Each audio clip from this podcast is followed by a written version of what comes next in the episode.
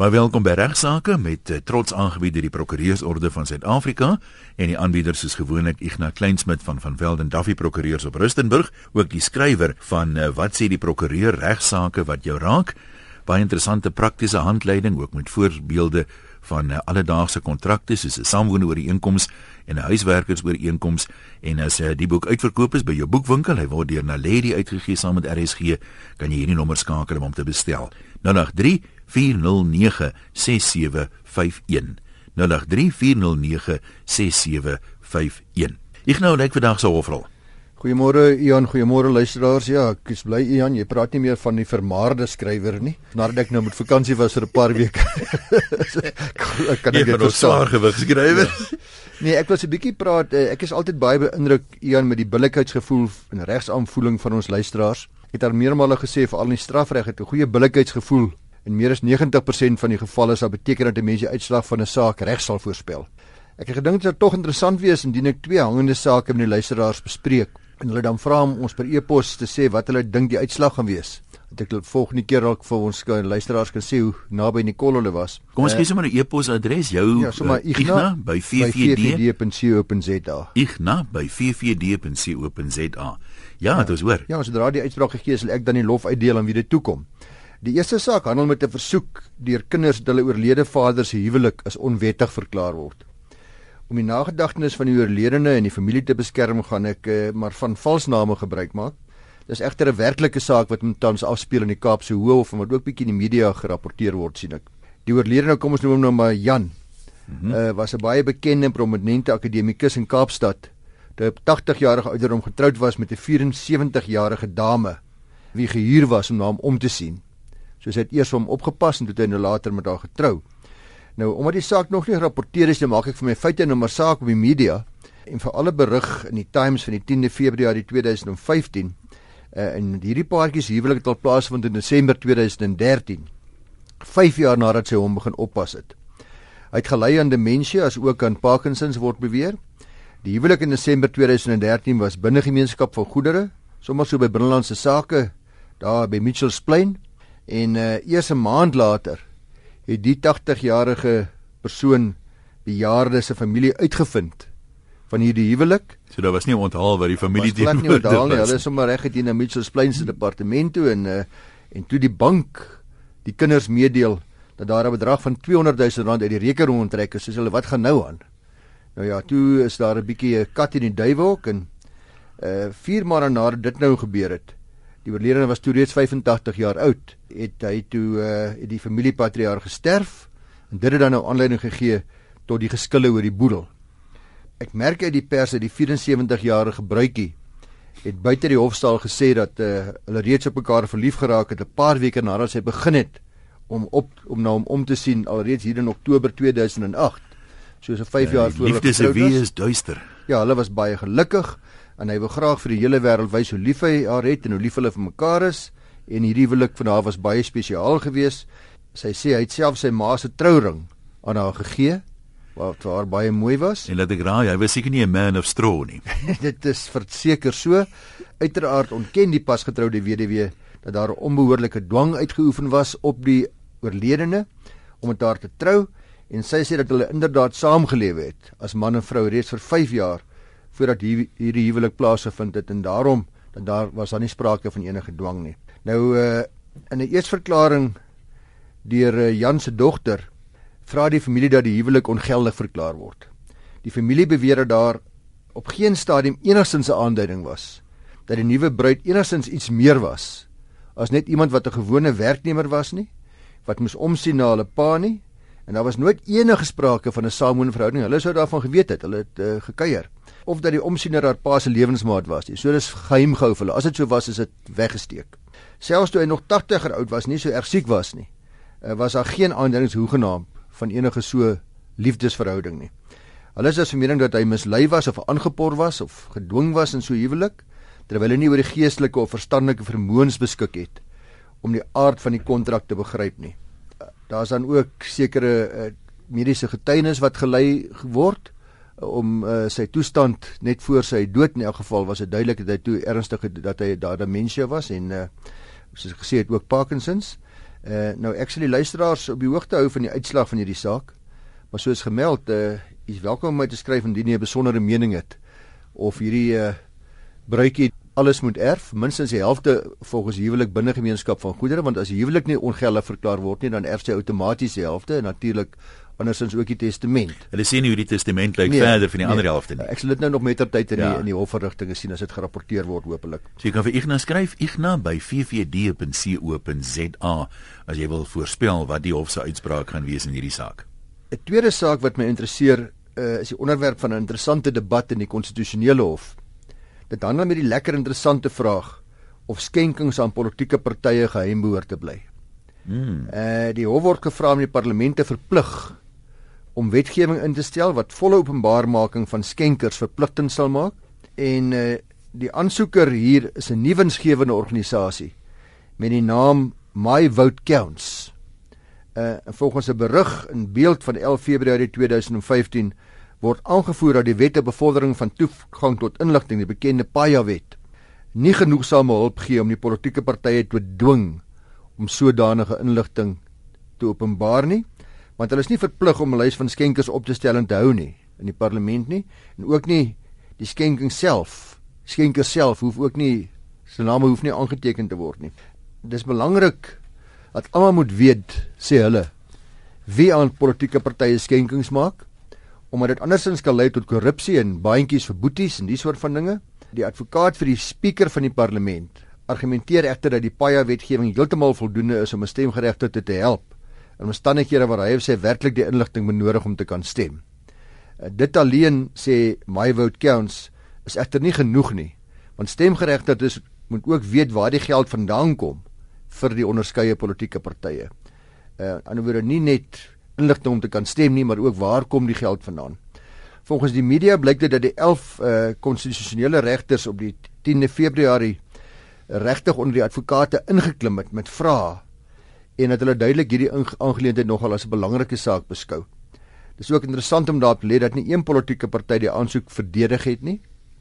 En die enigste respondent is inderdaad die spreker van die parlement. So die ander partye sê maar dat die hof maar besluit. Uh, dat los dit maar vir die hof. Nou volgens mediaberigte het hoofregter Mogoeng Mogoeng opmerkings gemaak hieroor en gewonder wat dit inderdaad beteken dat daar nie verdediging van die politieke partye is nie. Ek wonder ook. Feit dat hulle nie opneer nie beteken dat hulle saamstem hy of uh, sal dit hulle baat as hulle skenkers nie openbaar gemaak word nie. Uh hulle neutrale houding hieroor is nogal verbasend vir my en moet ons maar tussen die lyne lees wat dit beteken. Nou luisteraars vir die persdoppe sal weet dat daar reeds voorheen aansoeke was teen belangrike politieke partye wat geweier het om hulle skenkers openbaar te maak. Die DA leier het volgens beeld voorheen al gesê dat skenkers in oppositiepartye sal geteken word en dat sy daarom nie haar party se skenkers bekend wil maak nie. Dit plaas hulle in 'n moeilike posisie. Hulle is geregtig op uh anoniem te bly. En nou ons hier by regsaake, een sou graag wou weet wat ons luisteraars se opinie is. En wat dink hulle gaan die uitspraak wees of behoort dit te wees? Gaan dit byvoorbeeld 11-0 wees ten gunste van openbaarmaking van skenkers, name en bedrae ensovoorts? of dalk 'n 6-5 beslissing soos ons al baie in ons hof gekry het, wie weet. En dis dis genoeg as dit 6-5 is dan is dit uh, dan geld dit so, maak nie saak of net so goed soos die 11-0. Ja, ja. Uh wat gaan die oorwegende argument wees waarop die wenparty gaan slaag? Weereens stuur vir my e-pos gerus. Uh nou gaan ek later sê wie in die kol was, is by Igna, IGNA by vvd.co.za. Ja, die interessantheid van hierdie ding is die mense wat verloor sal altyd sê ja, die party wat wen gaan nou sy skenkers bevoordeel, hulle gaan tenders kry en al hierdie tipe dinge. Ja. En as jy nou verloor, dan voel jy weer maar ou wat jou ondersteun het, hulle gaan nou pik op hom want wat sê die ou die ou ding my vyande se vriende is my vyand. so dis 'n dis 'n baie interessante een. Jy het nie 'n persoonlike opinie oor nie as, as jurist nie. Ek is te bang om 'n persoonlike opinie te wag. nee, ek eh, ek het 'n persoonlike opinie dat ek dink daar dat daar is 'n neiging in ons howe om openbaarmaking te verplig in die meeste gevalle. Met baie wetgewing word redelik royaal en uh nie konservatief ja. toegepas nie. En uh wat die testament betref, dink ek dan gaan dit afhang van die getuienis tot baie groot mate ook van die mediese getuienis tot watter mate hierdie persoon mis sy volle positiewe was al dan nie. Nee, maar die laaste ding betref, ek meen dit is nou maar deursigtigheid is 'n woord wat 'n mens geweldig baie hoor en dit word gewoonlik gebruik in 'n konteks van dis 'n goeie ding. Deursigtigheid, alleen dan weet ons almal waar staan ons, niks om weg te steek nie. So ek is aan die een kant half geneig om te dink dit sal miskien interessant wees. Dalk sal mense twee keer dink voor hulle skenk, maar uh, dit is as almal se dinge openbaar gemaak word. Ek meen as jy nou 'n party ondersteun, hoekom jy dit nou in die geheim doen? Daar's tog mense wat baie uitgesproke ver regse partye ondersteun of ver linkse partye. Uh, moet ou nie maar opstaan en sê dis waarna ek glo en ek is bereid om 'n paar rand te stoot vir dit waarna ek glo nie. Ja, die moeilikheid is natuurlik dat as ek nou vandag 'n skenking maak en môre het ek 'n tender gekry wat in my toegeken is dan lyk dit natuurlik nie baie goed nie. Dis deel van ja. hoekom daar openbaarmaking behoort te wees. Ja, toeval is ook 'n aardige. maar in elk geval een uh, wat ek wou sê ook vir ons luisteraars is uh hou maar ook u eie oor op die grond en as u weet dat die uitspraak gelewer is of u kan dalk vir my help om die skriftelike uitspraak te bekom, sal ek dit baie waardeer en Ignas se e-posadres igna@ffd.co.za. Ons sal dan in volgende programme die uitspraak gee en 'n uh, kommentaar lewer op wie na Nicole was. Igna, wat's volgende? In uh, ons regtydskrif vir prokureurs van die Prokureursorde van Suid-Afrika met die naam Re Die Rebus van April 2015 is daar 'n baie oulike artikel gewees met die opskrif Fixed or Flexible the Chiffren Shackle. Dit gaan nie oor die toepassing van die bekende Chiffren klousule. Dit is die klousule wat mense in kontrakte kry baie algemeen. Wat sê jy kan die kontrak nie wysig behalwe op skrif nie. Anders sal wysigings mondelings of enige ander maniere sal niks beteken nie. Behalwe as dit op skrif is en albei partye geteken is. Nou vir mense wat belangstel, hoekom noem hulle dit so? Waar kom die naam dis vandaan? Dis maar die, die betrokke saak waaroor dit gegaan het, was sal ek wat ek nou net met u sou hanteer, was dan die bekende Chiffren saak. Dis die ah. sentrale koöperasie graanmaatskappy beperk versus Chiffren en ander. Dit is 'n appelhofsaak al van 1964 en van daar af het die Schiffrin beginsel nou maar vasgeklou want daardie saak uh het gesê dat hierdie klousule is afdwingbaar en daar's geen probleem met so 'n klousule nie. Aan die ander woorde as jy so 'n klousule het dan is jy vas, dan is jy gebonde. Ek kan nie later kom sê ja, was nou die dag het ons sommer daar weer gepraat en ons het weer kontrak op hierdie en hierdie maniere gewysig nie. Ja. So, jammer meneer, geteken ensovoorts. Nou kontrakterende partye sal normaalweg geadviseer word om skrifooreen toe kom en gaan na al hulle regte, hulle magte en verpligtinge. Uh en daar's verskeie argumente vir en teen hierdie Chiffrin klousule. Nou argumente vir die beginsel.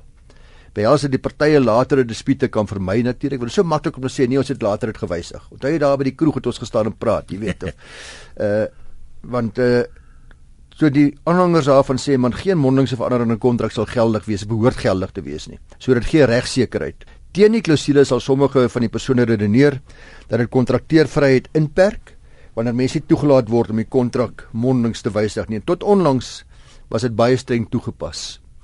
En nou vra hierdie artikel, is dit flexible? Is dit buigsaam? Is dit buigbaar? Ondanks 'n verwikkeling in ons reg oor die laaste paar jaar wys daarop luisteraars dat die howe die toepassing van hierdie siffering klousule verslap in ooreenstemming met openbare beleid by die oorweging van sommige ooreenkomste. Daar is drie onlangse uitsprake wat ek net vinnig met u gaan bespreek om hierdie verslapping te illustreer. Die eerste saak is een van die Hande plaaslike munisipaliteit versus in Slaksu.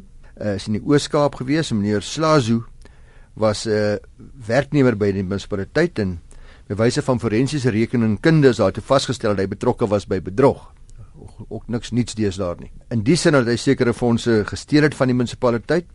Na bewering die munisipaliteit het hom toe uh, sy dienste opgeskort, hangende ondersoek na hierdie bedrog. Verhoor is gehou, hy skuldig bevind uh, en hy het sy bedanking ingedien. Die munisipaliteit het nie hierdie bedanking aanvaar nie.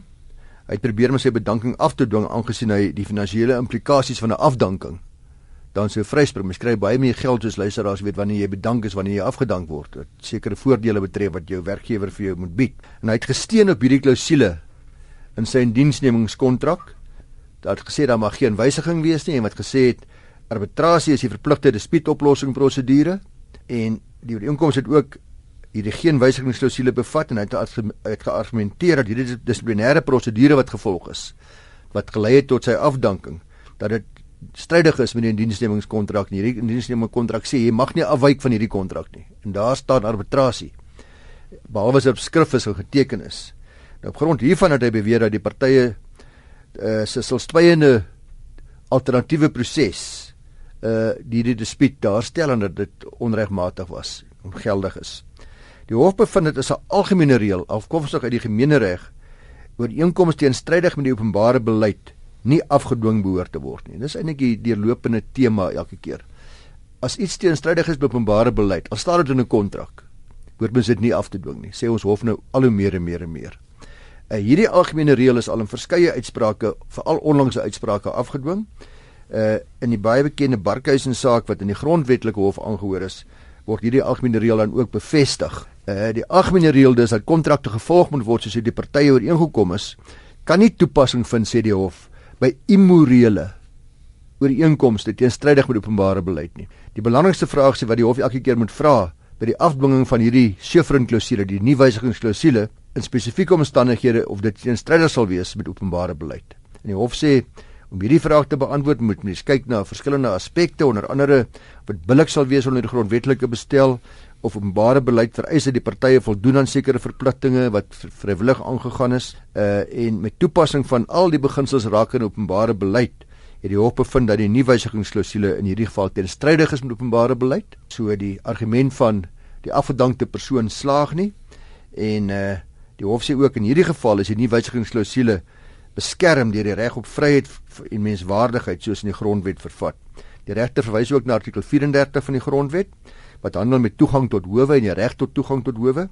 Maar hy sê hierdie reg behels ook om dat die dat mens beskerm moet word teen die misbruik van 'n regsproses. Dis wat hierdie persoon hier wou doen sê die hof, wil die regsproses misbruik omdat dit hom pas in hierdie omstandighede terwyl daar reeds 'n behoorlike prosedure was en hy op billike wyse afgedank was. Ware beleid sê die hof soos so dit soos dit gevind kan word in die grondwetlike waardes en norme ondersteun geen aksie wat poog om misbruik te maak van 'n regsproses nie en uh so die Chevron beginsel word nie toegepas nie. Dan 'n tweede saak GH versus SA hier in Gauteng. Uh hierdie saak handel met 'n onderhoudsooreenkoms, skriftelike onderhoudsooreenkoms.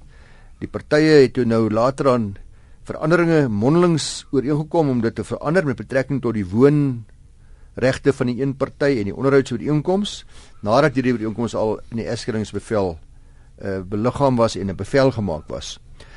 Nou is wou die ooreenkoms met betrekking tot die onderhoud afdwing terwyl gee beweer dat die ooreenkoms gewysig is. Nou is dit toe nou op die Chevron klousule gesteel gesteen, jammer, en beweer dat daar 'n nuwe wysigingsklousule in die onderhoudsooreenkoms vervat was wat so is. En derhalwe sê hulle kan sê hy dat daai klousule moet afgedwing word en jy kan nie nou kom sê ons het later anders oor die ingekom nie. Tel nie meer nie. Die hof bevind dat hierdie ooreenkoms onderskei moet word van ander ooreenkomste, want sê die hof hierdie onderhoudsooreenkoms is nie 'n kommersiële ooreenkoms nie en daar's ander beginsels wat hier toegepas moet word. Die belangrike hierso is die beste belange van die kind. Behoort hierdie oorweging te wees om te bepaal wie 'n uh, Chevron beginsel toegepas moet word en die hof bevind openbare beleid onder hierdie spesifieke omstandighede beslis bepaal dat die Chevron beginsel nie toegepas behoort te word nie. Dan is daar steun en ander teen Karoo Kloof Melkery en ons beperk en ander. In Gauteng is 'n ongerapporteerde saak. Hierdie saak was 'n kommersiële ooreenkoms vir die verkoop van 'n besigheid onder die vergrootklas gewees. Die Steins was plaaseienaars van Karoo Kloof wou hulle plaas en die besigheid koop en die koopooreenkoms het 'n nuwe wysigingsklausule bevat. Daar was talle komplikasies deur die loop van hierdie transaksies en die partye het uh, verskillende skikkingsooreenkomste aangegaan om die dispute aan te spreek. En 'n jaar nadat die laaste ooreenkoms aangegaan is, het die Steins aksie ingestel teen Karoo Kloof vir die betaling van die uitstraande bedrag ten opsigte van die verkoop van hierdie besigheid van hulle. Karoo Kloof het beweer dat die partye op 'n skikking ooreengekom het dat hulle voldoen het aan daardie verpligtinge ten opsigte van die skikkingsooreenkoms en uh, die Steins maak op die Chevron klousule beginsel staat en beweer dat die skinkingsooreenkomste nie as variasies van die oorspronklike ooreenkomste gesien kan word nie. So, jammer, hulle maak eintlik nie stare op nie. Hulle sê daar is stukke ooreenkomste, maar die verdere ooreenkomste is nie regtig variasies nie. Die vraag vir die hof was dus of die tweede skinkingsooreenkoms voorkeur moet geniet bo die aanvanklike ooreenkoms of moet die Chevron klousule toegepas word. Luisteraars, in hierdie geval beslis die hof by oorweging weer van openbare beleidsoorwegings dat die Chevron beginsel verslap moet word en nie toegepas moet word nie. Eerstens sê die hof openbare beleid vereis dat daar 'n einde aan litigasie moet wees. En daarom kan hierdie skikkingsooreenkomste nie geïgnoreer word en jy sal vir ewig litigeer sê die hof as jy nou 'n einde daaraan maak nie. Tweedens sê die hof eis openbare beleid dat partye moet poog om litigasie te vermy en hulle dispute liewers buite die hof moet skik. En daarom gaan hierdie verdere skikkingsooreenkomste wel voor die hof dien en geldig is geldig beskou word. En derdens sê die hof sal daar inbreuk gemaak word die beginsel van pacta sunt servanda. Dit is die uh, dat ooreenkomste wat vrylik en ernstig gesluit word, moet in openbare belang afgedwing word. So as mense ooreenkomste aangaan sê die hof moet dit hoor afgedwing te word. Daarom moet mense verdere skikkings oor die ooreenkomste nie bloot net ignoreer as gevolg van hierdie Schiffrin beginsel nie. Uh en die hof sê in hierdie geval dat die streng toepassing van die Schiffrin beginsel sal strydig wees met openbare beleid en uh die Steins wendes die argument. So luisteraars uh, gevolgtrekking is dat bogenoemde uitsprake dit duidelik maak dat uh, die Schiffrin beginsel baie afgewater word deur ons howe dat dit nie toegepas sal word in gevalle waar dit teenstrydig is met openbare beleid nie. 'n Variasie in ooreenkomste teenstrydig met hierdie klousule sal steeds geldig kan wees mits die openbare beleid dit voorskryf. So as een hofsaak betrokke is waar jy dink dit geen saak nie omdat daar so 'n klousule is, gaan sien maar u prokureur ding weer. Uh, dit word al hoe meer en meer nie meer toegepas nie. Dalk kan ons net 'n woord of twee sê ek nou oor openbare beleid. Mense vra altyd nou wie bepaal die openbare beleid? Hoe weet 'n mens wat is die openbare beleid? Hof gee op 'n stel op 'n manier interpretasie daarin, maar dalk jy net so klein bietjie agtergrond gee daaroor.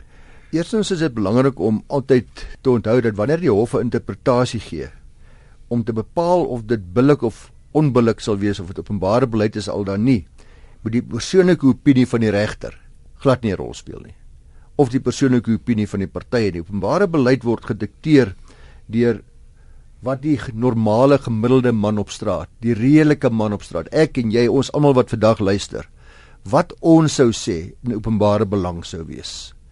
Nou, dit is nie altyd so maklike toets om toe te pas nie. Uh daar's 'n bietjie wysheid nodig by yeah. Ja. ons howe, maar weer eens ek het nou nou gesê in die begin van hierdie program dat is soms vir my interessant om te sien wat 'n goeie regsaanvoeling mense het. En jou billikheidsaanvoeling, jou jou gewone billikheidsaanvoeling, jy hoef nie 'n prokureur of 'n ja, regter of ja. advokaat of een of ander kwalifikasie te hê nie. As jy 'n goeie billikheidsaanvoeling het, dan sal jy waarskynlik baie naby in die kol wees om te bepaal wat openbare beleid is. Wat wat is in belang van die gemeenskap? Wat sou die gemeenskap verkies het? Wat sou hulle graag wou hê? Openbare beleid vereis wat kontrakte betref dat die partye moet voldoen aan die kontraktuele verpligtinge. Natuurlik sal ek en jy almal daarmee saamstem. As ons vry vrylik en vrywilliglik 'n kontrak aangaan, wat is openbare beleid dan?